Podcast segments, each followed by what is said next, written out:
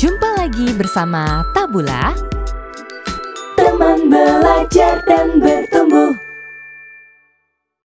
Keren sekali. Jadi silakan dicatat ya teman-teman Tabula. Mungkin ada yang uh, ingin apa ya? Nah mungkin jadi ada yang penasaran tuh. Kalau kan tadi dibilang harus jadi pribadi yang utuh, harus apa? Kenal diri lebih jauh. Caranya gimana tuh kak? Gitu kan? Mungkin nanti kita akan ngobrol juga ini ya, uh, bagaimana kemudian Aramsa bisa membantu gitu atau kalau teman-teman ini mau wah kayak kayaknya gue perlu ke Aramsa nih mungkin gitu ya. Nanti kita bisa ngobrol lebih jauh. Sebelum itu mungkin boleh Kauki diceritakan dulu sedikit nih Aramsa ini ada apa saja sih kegiatannya? Kemudian uh, ya apakah ada layanan tertentu gitu mungkin yang uh, yeah. yang teman-teman ketahui lebih lanjut? Monggo kak. Oke. Bentar ya kak. Aku coba connect ke wifi lain dulu. Tadi soalnya suaramu sempat agak hilang-hilangan di aku. Wait, wait.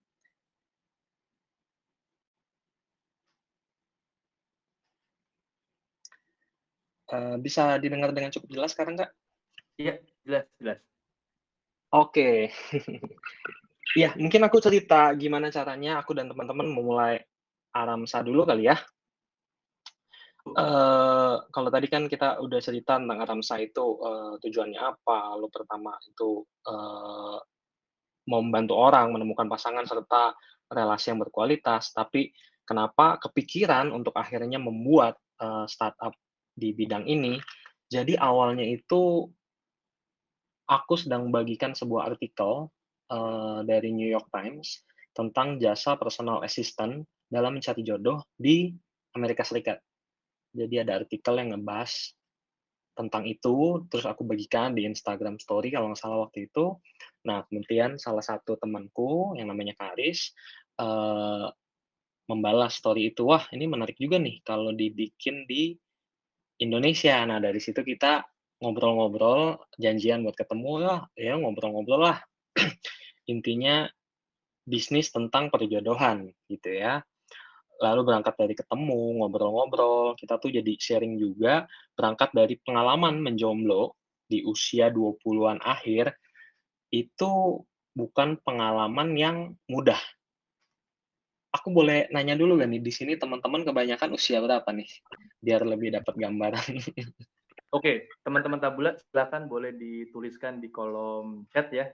Umur berapa sekarang? Ya, pakai angka aja gitu. Silakan. Salah nih wah 20-an.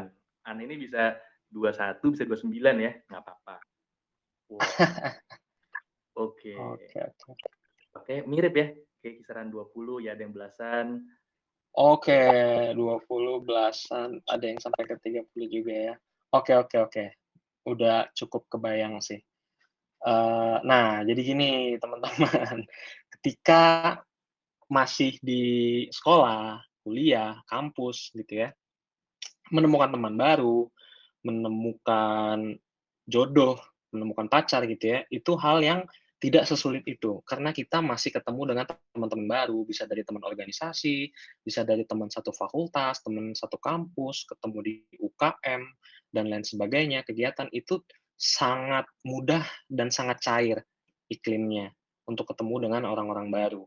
Tapi ketika teman-teman sudah di usia 20-an akhir, ketika teman-teman sudah bekerja, sudah mulai eh, apa ya lingkup pertemanannya mulai menyempit gitu ya setiap hari ketemunya dengan itu-itu aja orang yang itu-itu aja dari rumah ke kantor dari rumah ke kantor. Kegiatan sosialisasi juga semakin sedikit. Nah ketika teman-teman mengalami hal ini berada di usia 20-an akhir atau lebih gitu ya lalu berusaha mencari jodoh nah ini menjadi suatu tantangan tersendiri.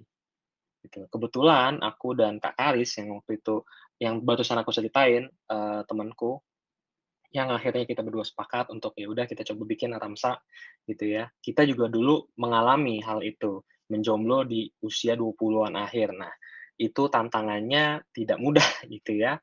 Gimana bisa ketemu jodoh kalau setiap hari kita cuma berkutat dari rumah, lalu di kantor yang orangnya juga itu-itu aja. Kalau di kantor kan bukan yang setiap bulan akan ketemu dengan ratusan atau puluhan orang baru gitu ya. Di kantor kan otomatis itu-itu aja. Nah, awalnya tuh dari situ, lalu kita juga menemukan co-founder yang sepaham dalam hal relasi sehat berkualitas yang kebetulan belum lama juga uh, mengisi Tabula Talks ya di Tabula dengan Kak Beki, Kak Rebecca Pinaima. Jadi akhirnya kita bertiga sepakat, uh, ya udah kita coba bikin ini Aramsa Indonesia ini yang memfasilitasi teman-teman atau klien yang mungkin tidak semudah itu dalam mencari jodoh. Entah karena kesibukan mereka, entah mungkin karena pertemanan mereka yang menyempit, entah karena kehidupannya yang sudah jauh lebih monoton yang tadi aku sempat bilang, karena udah sibuk dengan pekerjaan dan lain sebagainya. Itu karena berdasarkan dari pengalaman juga, dating app, mungkin teman-teman bingung, lah kan sekarang udah ada dating app ya, bisa dari Tinder atau Bumble atau Coffee Meets Bagel dan lain sebagainya dating app ya itu bisa membantu bagi sebagian orang. Cuma pada kenyataannya uh, di lapangan tidak jarang dating app belum tentu menjawab permasalahan bagi sejumlah orang. Tidak jarang alih-alih menjadi solusi malah bisa menambah masalah karena terlalu, misalnya terlalu banyak pilihan atau ketemu orang yang aneh-aneh atau ketemu ya mungkin di dating app malah ada yang nawarin bisnis, malah ada yang nawarin asuransi dan lain sebagainya. Itu fakta yang tidak terhindarkan. Dan sudah banyak orang yang akhirnya malah, aduh, gue udah coba ini pakai uh, dating app, yang ada malah capek, malah dapat capeknya doang, bukan dapat jodoh, gitu. Jadi awalnya sih lebih ke sana, yang akhirnya kita mencoba untuk ya udah yuk kita bikin startup yang bergerak di bidang perjodohan gitu. Nah, kalau di posternya itu ber, berbisnis cinta berbasis sains, kita juga sepakat ya untuk uh, mengedepankan pendekatan-pendekatan yang berbasis sains. Gitu. Kenapa? Karena kebetulan kita bertiga, founder Aramsa, aku, Kak Karis, juga Kak Becky, dulu pernah berkuliah psikologi gitu ya. Jadi kita memiliki concern yang sama bahwa ilmu psikologi dan sains bisa membantu kita untuk menemukan pasangan gitu loh. Sebenarnya kalau teman-teman uh, mungkin yang belum terlalu familiar dengan ilmu psikologi, emang gimana caranya sains atau psikologi itu bisa membantu orang menemukan pasangan. Jadi sebenarnya cukup banyak ya. Karena juga mungkin bisa bantu nge-share nih ya. Uh, di psikologi kita belajar tentang namanya uh, psikologi sosial, tentang uh, pengaruh, hubungan, dan gimana satu individu dan lainnya itu saling uh, mempengaruhi gitu ya. Misalnya aja ada Triangular Theory of Love itu dari Robert Sternberg itu yang ngebahas tentang intimacy, passion dan komitmen.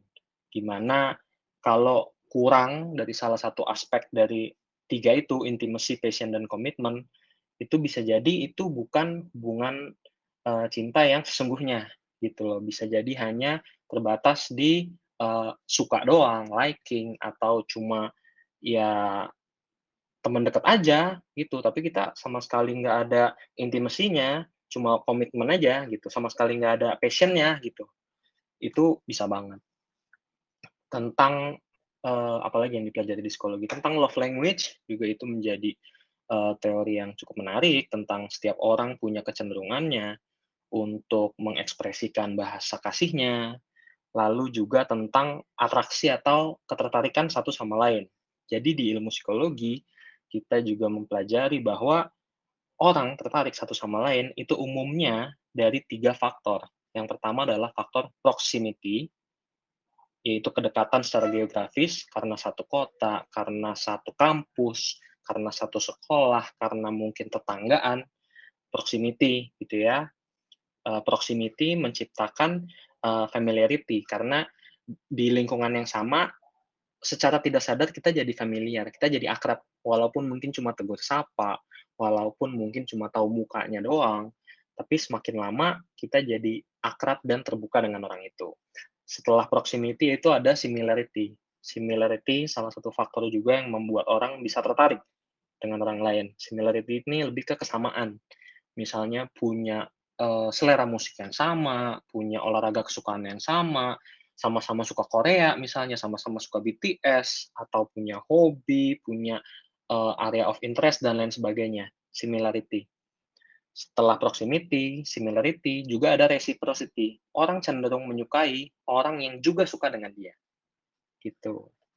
Jadi, uh, kita akan cenderung untuk lebih suka orang yang juga suka dengan kita atau minimal tidak benci lah dengan kita karena biasanya kan hubungan itu memang resiprokal mulai dari mungkin salah satu menyapa terlebih dahulu lalu dibalas menyapa salah satu tersenyum lalu dibalas tersenyum mulailah ada ngobrol dan lain sebagainya ketika satu orang menyukai uh, orang lain orang lain itu secara tidak langsung di alam bawah sadarnya juga jadi lebih terbuka dengan orang yang menyukainya jadi lebih uh, interest juga. Nah, tiga aspek ini, proximity, similarity, reciprocity, reciprocity menjadi tiga faktor yang cukup menentukan tingkat atraksi atau ketertarikan orang satu sama lain.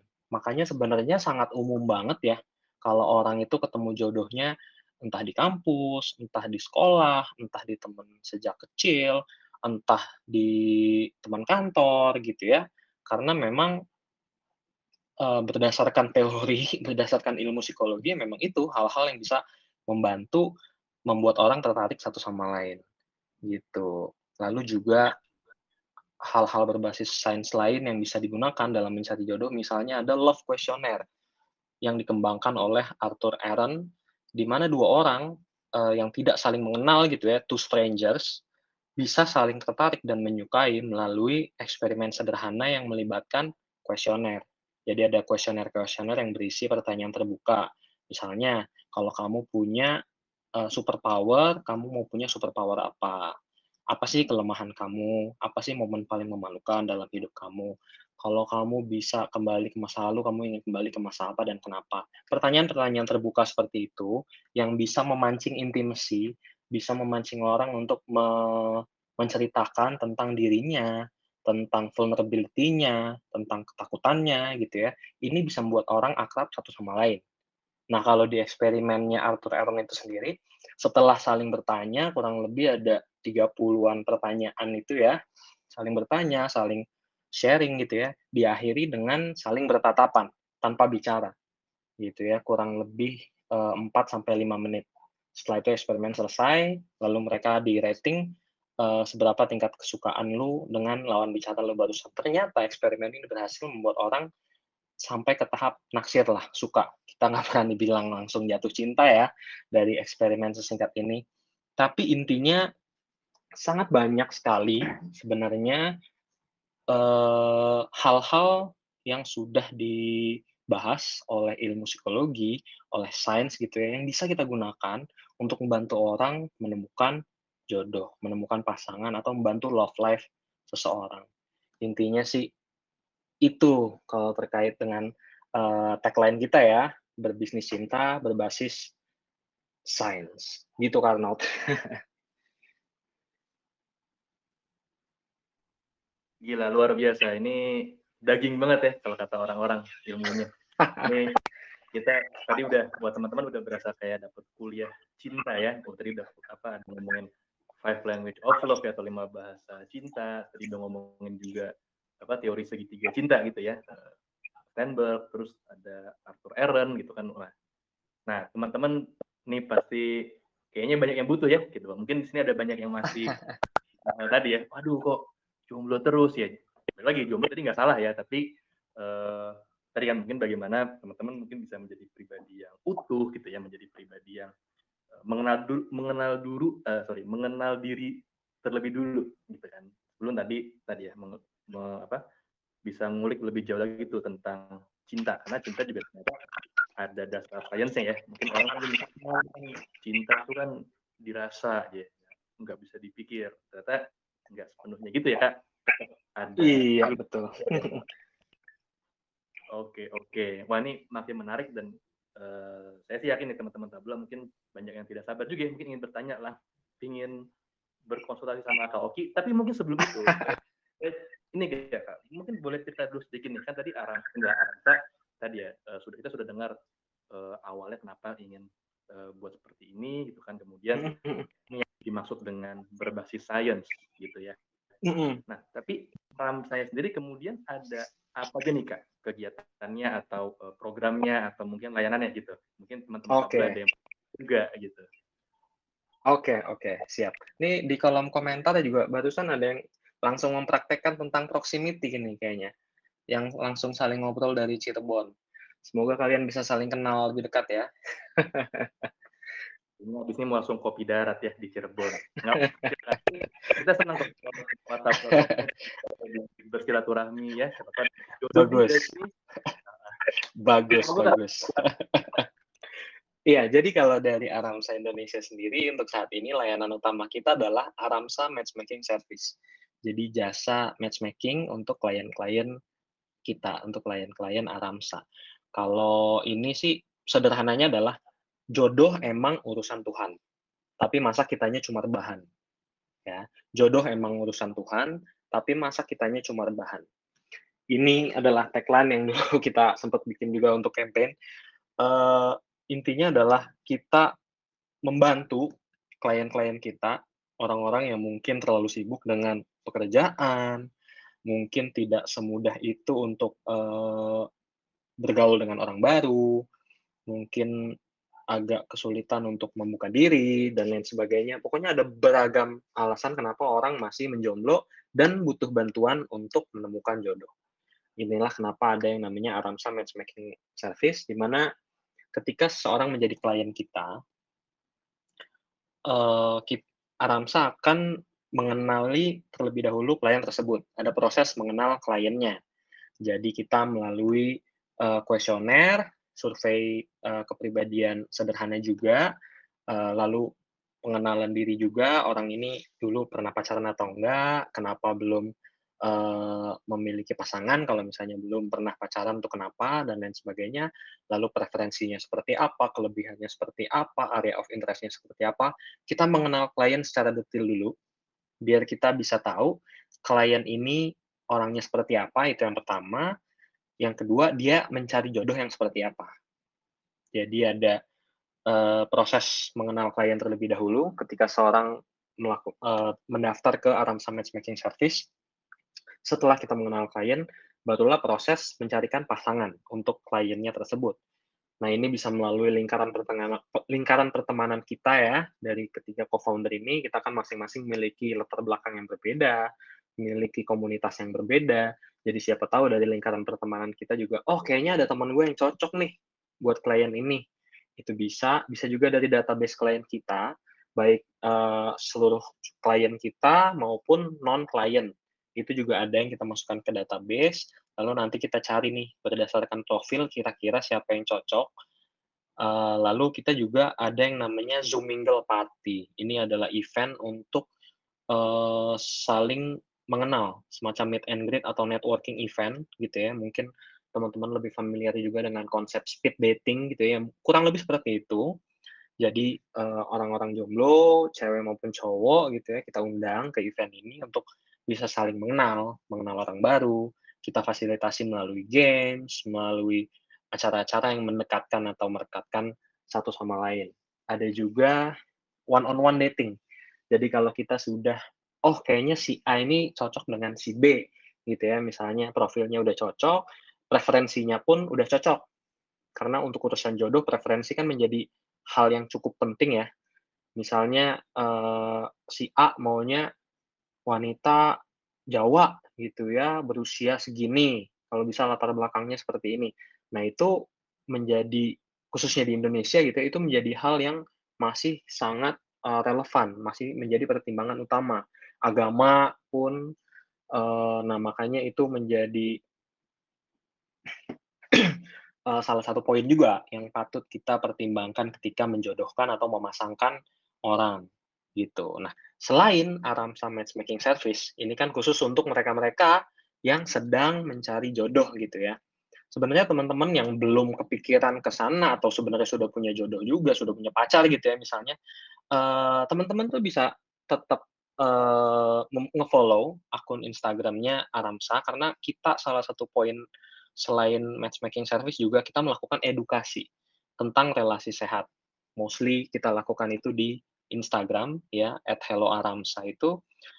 Karena yang tadi aku udah sempat bilang itu karena mencari jodoh itu kan cuma satu titik aja kan? Sedangkan garisnya itu sendiri kan panjang. Nah kita juga memberikan relasi uh, memberikan edukasi tentang relasi yang sehat itu seperti apa.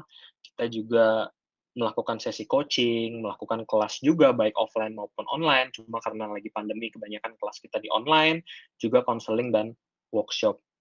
Gitu ya. Jadi teman-teman yang uh, berpikir ah gue lagi nggak nyari jodoh atau ah gue lagi gue lagi punya pacar nggak butuh aramsa tenang aja kita tetap offer something gitu ya. Kita tetap bisa memberikan suatu which is uh, edukasi tentang relasi gitu teman-teman bisa follow ke akunnya Hello Aramsa juga. Uh, terkait kegiatan saat ini juga ya, tidak mudah memang membangun bisnis di tengah pandemi karena uh, Aramsa ini pertama kali titik pertama itu kita mulai kepikiran untuk membangun Aramsa ini di 2019 pertengahan lah 2019 pertengahan lalu kita mulai uh, melakukan riset kita mulai uh, melakukan survei, kita membuat tools, tools assessment-nya seperti apa, kita membuat konsep dan lain sebagainya. Pelan-pelan, lalu di tahun 2020 kita sudah ingin mulai launching gitu ya, tapi pandemi pandemi datang gitu ya, manusia boleh berencana, Tuhan yang kasih bencana gitu ya kalau kata kita. Jadi cukup banyak event dan rencana yang akhirnya harus ditunda atau dicari alternatif kreatifnya. Misalnya on, off, offline events yang untuk ketemuan dengan klien-klien kita, saling ketemu. Nah, itu perlu untuk dilakukan kan karena ini penting untuk klien-klien kita. Tapi karena di masa pandemi itu tidak semudah itu untuk dilakukan.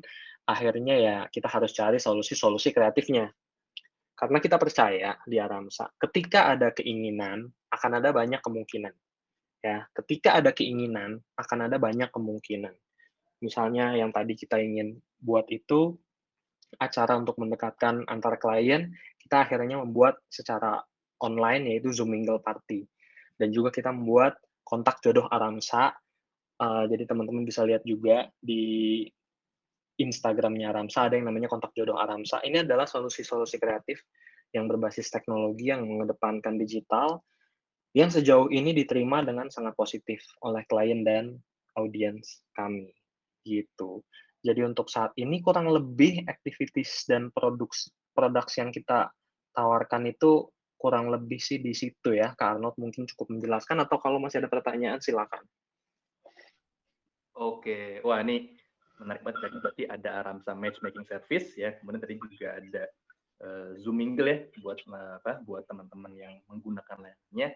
Tapi tadi ya lagi sebelum itu kan seperti yang kau bilang di awal ya bahwa uh, relasi itu kan hanya ujungnya ya, tapi kan tadi balik lu perlu pengenalan diri, makanya tadi ya Ramsa juga dibantu dengan tadi ya mengenai dulu profil kliennya ya, jadi mungkin yang Betul.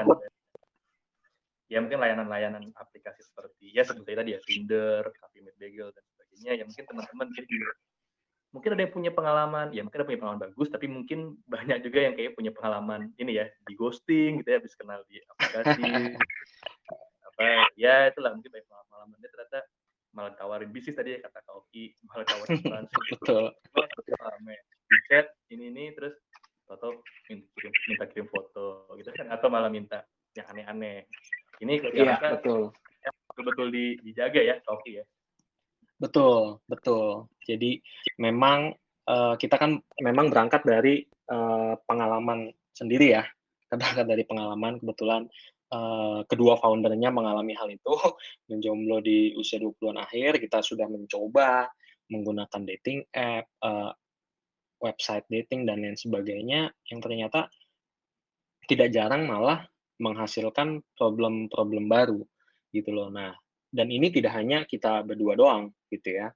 Ini kita juga ngobrol ke teman-teman, ternyata cukup banyak yang mengalami hal yang sama. Aduh, gua pakai aplikasi-aplikasi dating itu malah ketemu yang aneh-aneh, malah dikirimin gambar yang aneh-aneh, malah diajak ke hotel dan lain sebagainya. Itu hal-hal yang bukan cuma tidak nyaman, tapi bisa sampai di titik traumatik gitu ya. Bisa bikin orang sampai trauma. Tidak, aduh, gue nggak mau lagi deh pakai uh, layanan ini dan lain sebagainya. Nah, kita buat matchmaking service ini justru untuk menghindari hal-hal itu, untuk meminimalisir risiko-risiko yang tidak perlu itu. Jadi yang uh, ada di sini adalah memang mereka yang secara serius ingin mencari jodoh gitu. Ini sudah terfilter uh, baik melalui uh, registrasinya sendiri untuk menjadi klien kan memang berbayar. Orang-orang yang hanya iseng aja gitu ya, hanya cuma mau tahu doang, hanya cari uh, pasangan-pasangan iseng gitu ya, atau cuma teman main lah tanda kutip, itu akan terfilter dengan sendirinya. Mereka tidak akan menjadi klien kalau mereka cuma mencari hubungan-hubungan uh, singkat aja gitu ya. Lalu kedua dari proses pengenalan klien itu sendiri. Kita juga kan uh, melakukan uh, survei, kuesioner, juga melakukan interview ke semua klien kita. Jadi kita juga mengenal klien kita, oh kelihatan nih mana yang, oh dia emang serius, oh mungkin kalau yang ini nggak terlalu serius. Nah, oh ada atau ada klien yang, oh klien ini sepertinya punya kecenderungan untuk aneh-aneh misalnya ya. Nah ini perlu kita uh, kelola terlebih dahulu gitu. Jadi kalau misalnya ada klien yang mungkin belum sesiap itu untuk kita kenalkan ke orang lain, kita akan terlebih dahulu memberikan sesi coaching atau konselingnya terlebih dahulu. Uh, ya tentu tidak belak-belakan ngomong, aduh lu tuh orangnya terlalu gini-gini ya, tapi kita sampaikan, menurut kita kamu akan lebih bisa menemukan jodoh ketika kamu melakukan ini ini ini, ketika kamu mengurangi hal-hal ini ini ini. Nah hal itu juga bisa kita lakukan gitu ya. Lalu yang paling utama membedakan uh, aplikasi dating dengan jasa matchmaking. Jadi kita ini bukan satu-satunya jasa matchmaking ya, ada cukup banyak sebenarnya di Indonesia jasa matchmaking itu ada pihak ketiga, ada perantara. Kalau di aplikasi dating kan teman-teman antara si A dan si B ya saling mencari aja, dipertemukan entah melalui lokasi, entah melalui foto, hal-hal yang menurut kita cukup uh, superficial ya, uh, agak dangkal gitu ya, cuma dari lokasi dan juga dari foto gitu ya, tapi tidak kenal lebih lanjut profilnya seperti apa, kepribadiannya seperti apa. Nah, itulah yang membedakan jasa matchmaking ini dengan aplikasi-aplikasi dating yang uh, mempertemukan dengan cepat. Kalau aplikasi-aplikasi kebanyakan mengedepankan kuantitas, jadi bisa ketemu banyak, dalam waktu yang singkat gitu ya. Yang penting kuantitas nih. Kalau main Tinder, main Coffee Meets Bagel dan lain sebagainya. Yang penting kan itu kuantitasnya. Kalau kita lebih mengedepankan kualitas. Jadi memang kualitasnya dijaga. Mungkin ini lebih ke slow dating ya. Mungkin tidak setiap hari kamu akan ketemu dengan uh, calon yang match dengan kamu, calon pasangan yang cocok dengan kamu. Tapi kita pastikan ketika kita menemukan itu bukan yang kaleng-kaleng lah. Istilahnya itu bukan yang sembarangan kurang lebih seperti itu Kak No. Oke, wah ini makin menarik ya. Jadi uh, ini teman-teman ya kalau misalnya ada yang tertarik ya nanti bisa uh, mungkin menghubungi Hello Aramsa. Tapi pun uh, mungkin apa ya mungkin tidak menggunakan atau belum menggunakan layanan pun tetap bisa dapat banyak ya karena di Instagram di Instagramnya Aramsa pun di Hello Aramsa juga banyak memberikan uh, edukasi ya seputar tadi relasi yang sehat, bagaimana uh, mengenal diri, menjadi pribadi yang utuh. Karena kita juga di kolom komentar ada nih yang komentar, duh setiap kenal orang orangnya masih belum selesai sama masa lalunya. Nah, betul. Ini juga ada komentar yang menarik nih. Kelamaan sendiri sampai lupa cara PDKT. Nah, follow aja. Hello Aramsa. Kita juga kadang berbagi tips untuk PDKT, untuk mengenal uh, calon pasangan, untuk berkomunikasi dengan lawan jenis nih. Kita bagikan juga kok. nah, gitu. Jadi teman-teman silakan ya, tunggu apa lagi? Silakan di follow at Hello Aramsa. Uh, H E L L O A R A M S A. Tadi udah saya kirim juga, saya kirim lagi deh karena ketumpuk nih katanya banyak banget. ya, iya nih teman-teman cukup antusias. Iya dapat tips-tips PDKT ya atau bisa juga uh, belajar menjadi pribadi yang lebih baik gitu ya atau mungkin yang udah punya pasangan pun tetap bisa juga ya Oke ya mungkin dapat tips-tips bisa bisa uh, kita juga kadang membagikan uh, edukasi juga konten-konten kita ngebahas tentang relasi juga relasi yang sehat itu seperti apa kita juga waktu itu sempat bikin uh, workshop juga justru untuk pasangan gitu gimana saling mengenal satu sama lain, membahas tentang kesiapan pernikahan dan lain sebagainya, atau berkomunikasi dan melakukan resolusi konflik, itu kita juga pernah bikin. Karena kembali lagi, karena kita yakin mencari jodoh itu cuma satu titik doang, garisnya itu panjang. Dari awal sampai ketemu jodoh, sampai setelahnya itu proses yang uh, tidak selesai di situ doang ketika menemukan jodoh, tapi masih ada proses-proses setelahnya gitu. Dan ini mungkin ya teman-teman karena suka lupa ya kita fokusnya sama nyari jodohnya tapi garis panjangnya luput ya atau mungkin lupa gitu. Mm, mm. Ini menarik ya iya eh, nggak apa-apa Mbak masih nyaman sendiri ya maybe it's okay ya kalau memang merasa dirinya masih nyaman sendiri ya nggak salah juga kan ya? Betul, betul nggak ada masalah. gitu itu mungkin malah tandanya sudah cukup kenal sama dirinya ya daripada apa maksain punya pacar gitu ya nyari pasangan tapi belum nyaman ya mungkin memang itu ya yang fasenya gitu Iya, Oke. tidak masalah banget.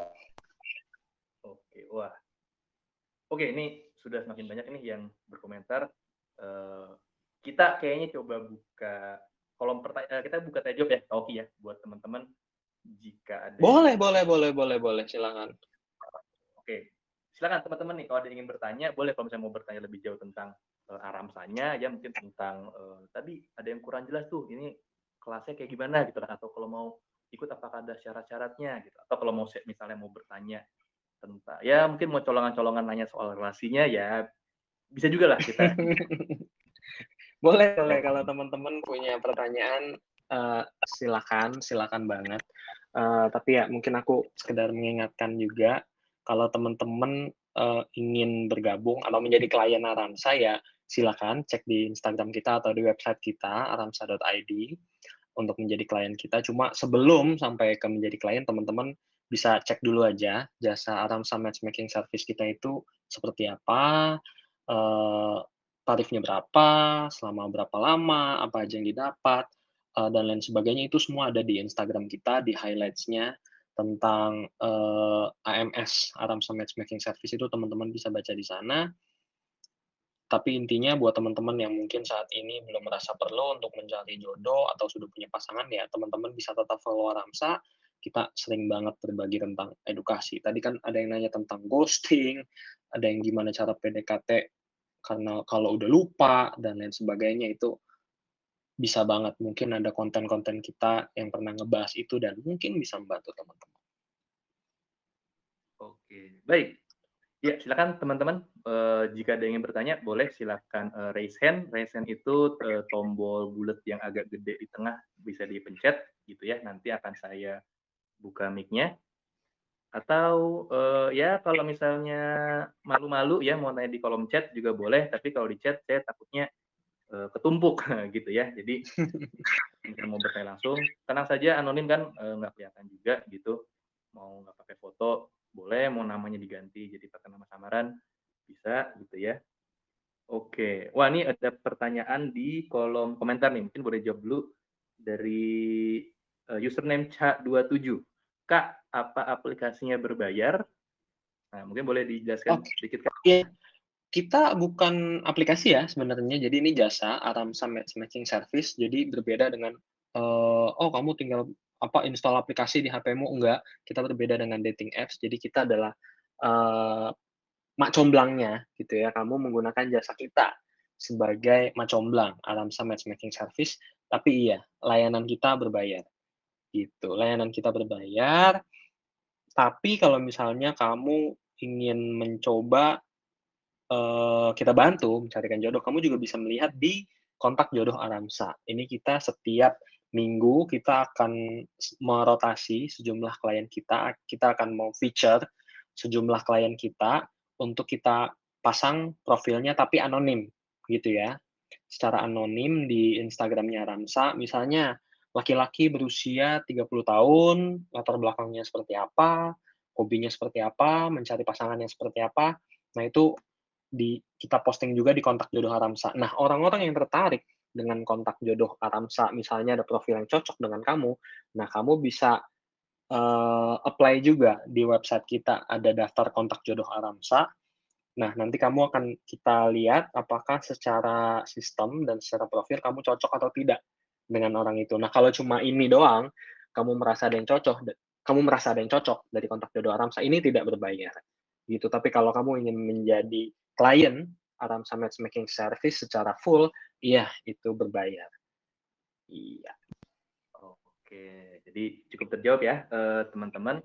So ya ini memang eh, ya kan teman-teman ini mungkin rentangnya ada ya ada yang usia belasan, ada yang mungkin sudah 20-an, tadi ada juga yang 30. So silakan disesuaikan dengan uh, kebutuhan masing-masing ya. Mungkin kalau ada yang memang sudah di fase mencari jodoh yang cukup serius ya mungkin bisa mempertimbangkan tadi jasa Aramsa matchmaking service ya yang memang uh, tadi ya berbayar tapi full lah ya tadi ya sampai dapat kuesioner bisa sampai di apa ada dapat di groom lah ya kasarnya ya di diberikan si sesinya lah seperti itu.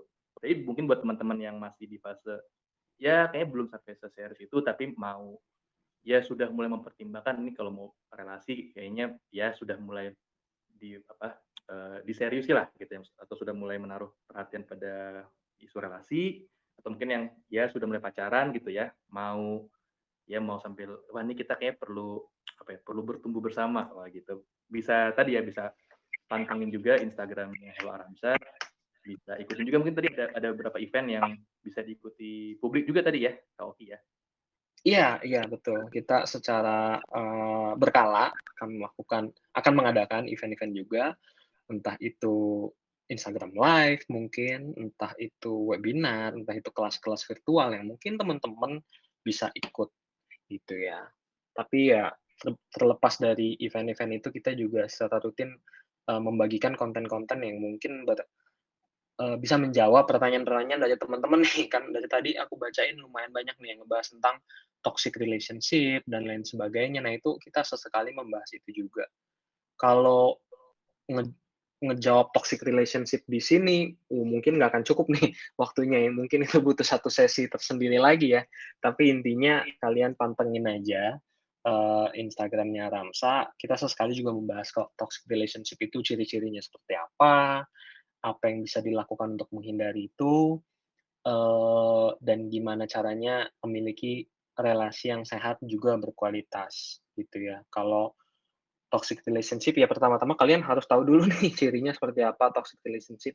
Yang paling gampang adalah ketika kenyamanan kalian sudah mulai terganggu, ketika kalian sudah merasa tidak nyaman, entah itu melalui kalian jadi merasa bersalah terus, dibikin merasa guilty terus oleh pasangan kalian, kalian direndahkan terus, di dikatain bego lah, bodoh lah, tidak kompeten dan lain sebagainya, pacar yang tidak baik dan lain sebagainya. Itu juga bisa menjadi salah satu indikator dari toxic relationship. Ya intinya kalian bisa pantengin Instagramnya Aramsa, di situ kita sesekali membahas tentang toxic relationship. Itu Terus apalagi ya pertanyaan-pertanyaannya. Iya nih benar kata Karnot nih mudah tertimbun nih karena chatnya banyak banget. Oke, tapi tadi ini sudah cukup menjawab ya tadi ada kan ada yang bertanya tentang uh, cara mencegah toxic relationship. Tadi ya dari Kauki uh, ya tadi ya sederhananya uh, lagi tadi ya mengenali maksudnya mengenali diri dan juga mengenali tanda-tanda dari yang tadi sudah Kauki sebutkan ya dari si pasangan tadi. Gitu. Kalau teman-teman yeah. dapat pertanyaan yang uh, lebih detail lagi ya terkait uh, relationship. Nanti ke mana nih kau enaknya bisa langsung menghubungi Aramsa atau gimana? Kalau misalnya ada yang ya pertama teman-teman bisa coba follow dulu aja Instagram kita. Teman-teman cek dulu aja siapa tahu pertanyaan teman-teman pernah kita bahas gitu ya. Siapa tahu pernah kita bahas pernah kita jadikan konten gitu ya. Atau kita juga rutin uh, mengadakan IG live. Uh, sebenarnya udah beberapa kali kita mengadakan IG live dengan narasumber-narasumber yang berkualitas gitu ya. Kita juga pernah membahas tentang toxic relationship. Teman-teman lihat dulu aja. Siapa tahu ada pertanyaan teman-teman bisa terjawab dari sana gitu ya. Kalau misalnya teman-teman masih punya pertanyaan lebih lanjut, boleh nge-DM Aramsa, boleh atau teman-teman butuh untuk konseling, kita juga ada konseling terkait relasi itu teman-teman bisa ngedaftar juga itu linknya ada di uh, profilnya kita di Hello Aramsa gitu ya. Kalau tadi temen ada yang sempat nanya apa ya tadi? Uh, aku sempat mau jawab tapi oh gimana caranya bisa tahu orang itu yang terbaik buat kita? Karena terkadang mikir kalau dia terbaik tapi setelah jalan malah hubungan tersebut menjadi toksik gitu ya orang yang terbaik untuk kamu adalah orang yang tidak membuat kamu mempertanyakan apakah hubungan itu toksik atau tidak. Jadi kalau kamu aja sudah mempertanyakan hubungan itu kayak kayaknya toksik nih atau sudah mengarah ke relasi yang beracun ya, toxic relationship, ya bisa jadi dia bukan yang terbaik buat kamu. gitu ya jawaban simpelnya tapi jawaban lebih ininya ya kamu cek dulu apakah benar relasi itu termasuk ke dalam toxic relationship kenapa kamu bisa bilang seperti itu? Apa tanda-tandanya? Dan apakah mungkin uh, untuk kamu dan hubungan kamu itu uh, berubah ke arah yang lebih baik gitu ya? Mungkin entah melalui konseling entah kamu komunikasikan hal itu ke pasangan kamu gitu ya. Tapi yang pasti dalam hubungan yang sehat dan berkualitas antara dua individu yang sama-sama utuh dan juga dewasa, kita tidak bertanggung jawab untuk mengubah pasangan kita. Ini yang mungkin perlu kita pegang ya. Kita tidak bertanggung jawab untuk mengubah pasangan kita. Itu bukan tanggung jawab kita. Itu adalah tanggung jawab pribadi dari masing-masing individu. Jadi kalau uh, teman-teman berpikir, aduh, gua pengen jadi malaikat, yang mengubah dia menjadi orang yang baik hati, penyayang, uh, tidak mukulin pasangan dan lain sebagainya. Stop right there, gitu ya. Itu bukan tugasmu. Itu adalah tugas dia sendiri untuk menjadi pribadi yang utuh, untuk menjadi pribadi yang sehat dan juga dewasa, gitu ya. Karena bisa jadi yang kamu butuhkan, yang yang pasanganmu butuhkan itu adalah uh, tenaga profesional entah itu psikolog, entah itu psikiater, gitu ya, yang lebih berkompeten untuk mengubah dia, untuk membuat dia menjadi lebih baik, bisa jadi kamu tidak memiliki kompetensi dan sertifikasi yang cocok untuk mengubah pasangan kamu. Karena manusia itu hal yang sangat kompleks ya. Tidak semudah itu untuk uh, aku ingin kamu berubah, maka besok atau minggu depannya dia langsung berubah. Gitu. Mudah itu. Ada lagi pertanyaan, Kak Arnold, silakan. Oke. Ini tadi menjawab ya, tadi ada juga nanya nih Kak, uh, kita punya pasangan tapi sifatnya nggak cocok, apakah bisa diubah atau kita harus ngerti tadi ya, bukan bukan tanggung jawab kita untuk mengubah dia gitu ya. Betul. Itu tanggung jawab uh, masing-masing individu gitu ya. Oke. Wah ini ada yang resen nih. Tadi mohon maaf ya mungkin ada beberapa yang resen tapi belum saya angkat. Uh, monggo nanti boleh resen lagi nih. Saya persilakan ada Kak Westi Nurdinayanti. Uh, saya persilakan untuk bertanya secara langsung. Oke, silakan Kak, boleh di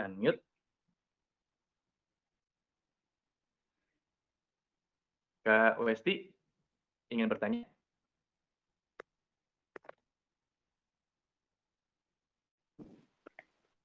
Halo Kak. Halo, ya, halo. Uh, sudah terdengar? Sudah, sudah. Uh, ya, uh, halo Kak Oki, Kak Arnold, selamat malam, dan teman tabula semuanya. Kenalin aku Westi. Uh, sebelum bertanya mengenai Aramsa ini, kan Aramsa itu macam belangnya, yang tadi Oki bilang di awal, untuk yeah, orang yang ingin mencari pasangan. Uh, sesuai dengan latar belakang dan dilihat dari psikologisnya masing-masing kan. Nah, hmm. selama menjalankan Aramsa ini, Kak Oki pernah nggak uh, melihat atau kliennya itu sebenarnya sudah cocok, sudah berjodoh lah gitu, menurut Aramsa ini. Tapi tiba-tiba mm-hmm. Hubungan klien dengan hubungannya uh, dengan pasangannya itu tiba-tiba merenggang, jadi putus. Itu pernah nggak? Okay. Ini kayak merasa Aramsa ini tuh oh, berarti gagal dong untuk menjodohkan orang-orang ini gitu. Kalau misalkan pernah, yeah, yeah. Uh, tanggapan Kak Oki saat itu gimana? Itu sih pertanyaannya. Okay. Terima kasih. Oke, terima kasih banyak Westi Nurdinayanti untuk iya, pertanyaannya. Ya, Pertanyaannya bagus sekali. Oke, uh, jadi kembali lagi ya, uh, perlu ditekankan juga kita berbasis sains. Ya, salah satu hal yang cukup ditekankan di sains adalah tidak ada khususnya di social science ya, tidak ada hal yang absolut. Gitu ya. Tidak ada hal yang absolut, tidak ada sesuatu yang 100% berhasil gitu ya. Oh, kalau menurut uh, sistem kita si A dan si B cocok. Mereka ini udah pasti jadi pasangan yang uh, eh, 100% jadi itu nih sampai menikah dan pasangan yang uh, bahagia dan lain sebagainya. Sains bisa membantu, tapi akan selalu ada faktor X gitu ya. Kita cuma bisa menemukan kecenderungan-kecenderungan, kita cuma bisa menemukan uh, oh mereka nih kemungkinan besar gitu ya, kemungkinan-kemungkinan uh, bahwa mereka ini cocok.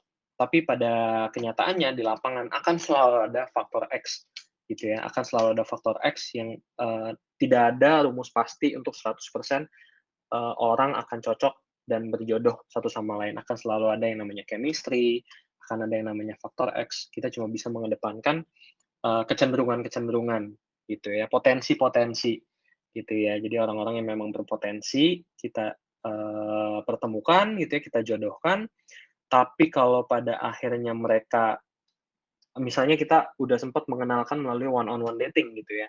Lalu setelah itu ya cocok cuma kayaknya lebih cocok jadi teman dekat aja deh. Kita memang punya banyak samaan, uh, tapi ada beberapa yang uh, poin yang kita berbeda nih dari awal dan kayaknya untuk jadi pasangan nggak akan bagus gitu ya menurut klien kita sendiri. Oh ya nggak masalah gitu loh. Itu bisa menjadi masukan juga bahkan untuk Aramsa untuk kita bahwa oke okay, berarti dia punya pertimbangan-pertimbangan lain gitu ya. Nah, ini yang harus kita perhatikan ke depannya untuk mencarikan jodoh buat dia berarti ada hal lain nih yang perlu kita perhatikan juga.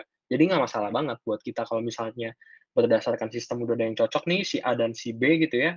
Bukan berarti kita harus ngepush mereka supaya mereka jadi pacaran dan sampai ke menikah. Enggak, enggak, enggak harus begitu juga. Nggak masalah kalau memang ternyata setelah kita pasangkan, tapi ternyata mereka lebih cocok jadi teman aja, jadi sahabat aja gitu ya. Itu sama sekali nggak masalah gitu ya. Kita juga ada kelas untuk belajar mempertahankan relasi itu sendiri ya. Kalau tadi teman-teman bertanya kalau udah punya pasangan itu gimana, dan kita juga bisa mendampingi klien untuk mengevaluasi hubungan itu sendiri gitu. Kita nggak bisa menjamin, uh, misalnya ya kalian udah punya pasangan gitu ya, pengen tahu relationship check up lah ya, itu apakah hubungan kalian sudah cukup sehat atau enggak, apakah ada masa depannya dan lain sebagainya, itu kalian bisa banget uh, kita psikolog kita memang fokus di bidang relationship khususnya juga untuk persiapan pernikahan juga. Jadi memang berkompeten. Untuk itu kita bisa membantu untuk mendeteksi apakah kalian kompatibel atau tidak dan lain sebagainya. Uh, dan kita bahkan tidak bisa menjamin bahwa setelah sesi ini kalian tidak putus gitu ya. Bisa jadi malah ada pasangan yang mungkin berantem mungkin putus setelah mengikuti konseling atau uh, relationship check up itu ya bisa-bisa aja kalau ternyata tidak kompatibel dan ternyata kalian tidak berada di relasi yang tepat satu sama lain ya uh, mungkin malah akan berakhir gitu. Ada lagi karena? Oke, wah ini sangat komprehensif ya jawabannya. Dan tadi kan juga di awal memang Taufik bilang ketika ada keinginan, kalau ada kemungkinan, tapi bukan kepastian betul. ya. Betul, betul, betul kembali lagi tidak ada yang absolut gitu. Jadi teman-teman juga di sini jangan khawatir ya kalau misalnya, duh kok kayak nggak yakin sama si dia ya memang tidak ada yang pasti ya di dunia ini gitu. Betul. Oke, baik. Uh, mungkin kita berikan satu kesempatan lagi buat penanya jika ada yang ingin bertanya secara langsung melalui uh, voice chat. Oke, pastinya ada Kak Nilna Husnin Nida. Oke, saya persilakan untuk bicara. Monggo Kak.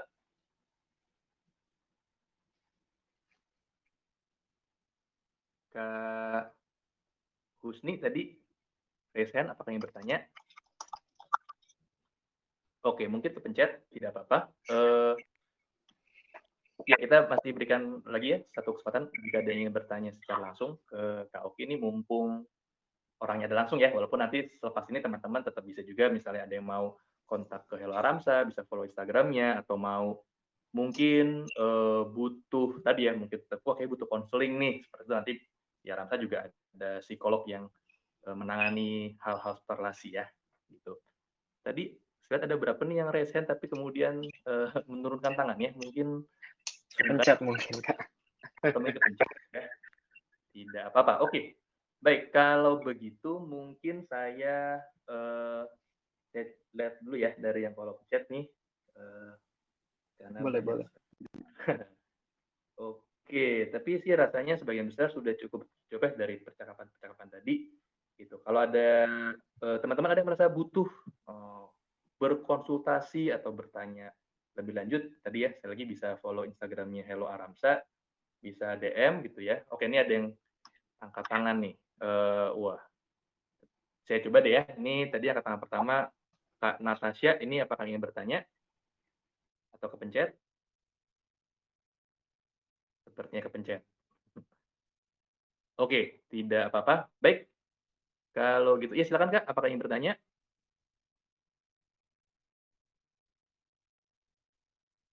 Oke, sepertinya tidak apa-apa. Oke. Baik, kalau gitu karena sudah jam 8 ya. Mungkin eh, boleh sedikit Kaoki memberikan closing statement ya nah mungkin ada sepatah dua patah kata yang ingin disampaikan untuk menutup sesi kita pada malam hari ini.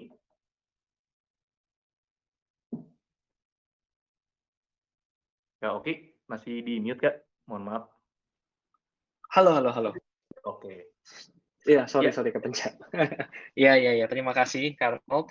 Mungkin aku lebih ke terima kasih banyak ya buat Karno, buat teman-teman dari Tabula dan juga teman Tabula sendiri sekitar 400-500an orang yang mendengarkan sesi malam ini. Terima kasih banyak untuk kesempatan yang telah diberikan gitu ya. Kalau teman-teman masih memiliki pertanyaan itu boleh banget untuk ke Instagramnya Hello Aramsa belum lihat layanan-layanan yang kita miliki juga itu boleh silakan banget gitu ya intinya kalau dari kita kita mengedepankan hmm, layanan kita itu Aramsa Matchmaking Service jadi kita membantu orang untuk menemukan pasangan serta memiliki relasi yang berkualitas gitu ya relasi yang berkualitas ini menjadi salah satu highlight menjadi salah satu penekanan kunci kita gitu ya uh, lalu kita juga sesuai dengan tagline, kita berbisnis cinta dan berbasis sains. Jadi kita memang sangat mengedepankan pendekatan-pendekatan berbasis sains yang tadi sudah sempat kita bagikan juga ya, mulai dari Triangular Theory of Love, dari Robert Sternberg, lalu tentang love language, tentang atraksi gitu ya, proximity, similarity, reciprocity, love questionnaire, dan lain sebagainya, itu kita sangat uh, mengedepankan hal-hal seperti itu. Jadi pendekatan kita sebisa mungkin selalu mengedepankan sains dan ilmu psikologi dalam membantu klien-klien kita menemukan jodohnya gitu ya karena urusan jodoh ini memang urusan Tuhan gitu ya tapi masa kitanya cuma rebahan gitu tetap harus ada usaha baik dari kita yang sedang mencari jodoh dan ketika usaha kita sendiri mungkin tidak cukup, tidak ada salahnya teman-teman mencari bantuan dari pihak lain, entah dari teman sendiri, entah dari jasa seperti Hello Aramsa, seperti Aramsa Matchmaking Service, itu boleh banget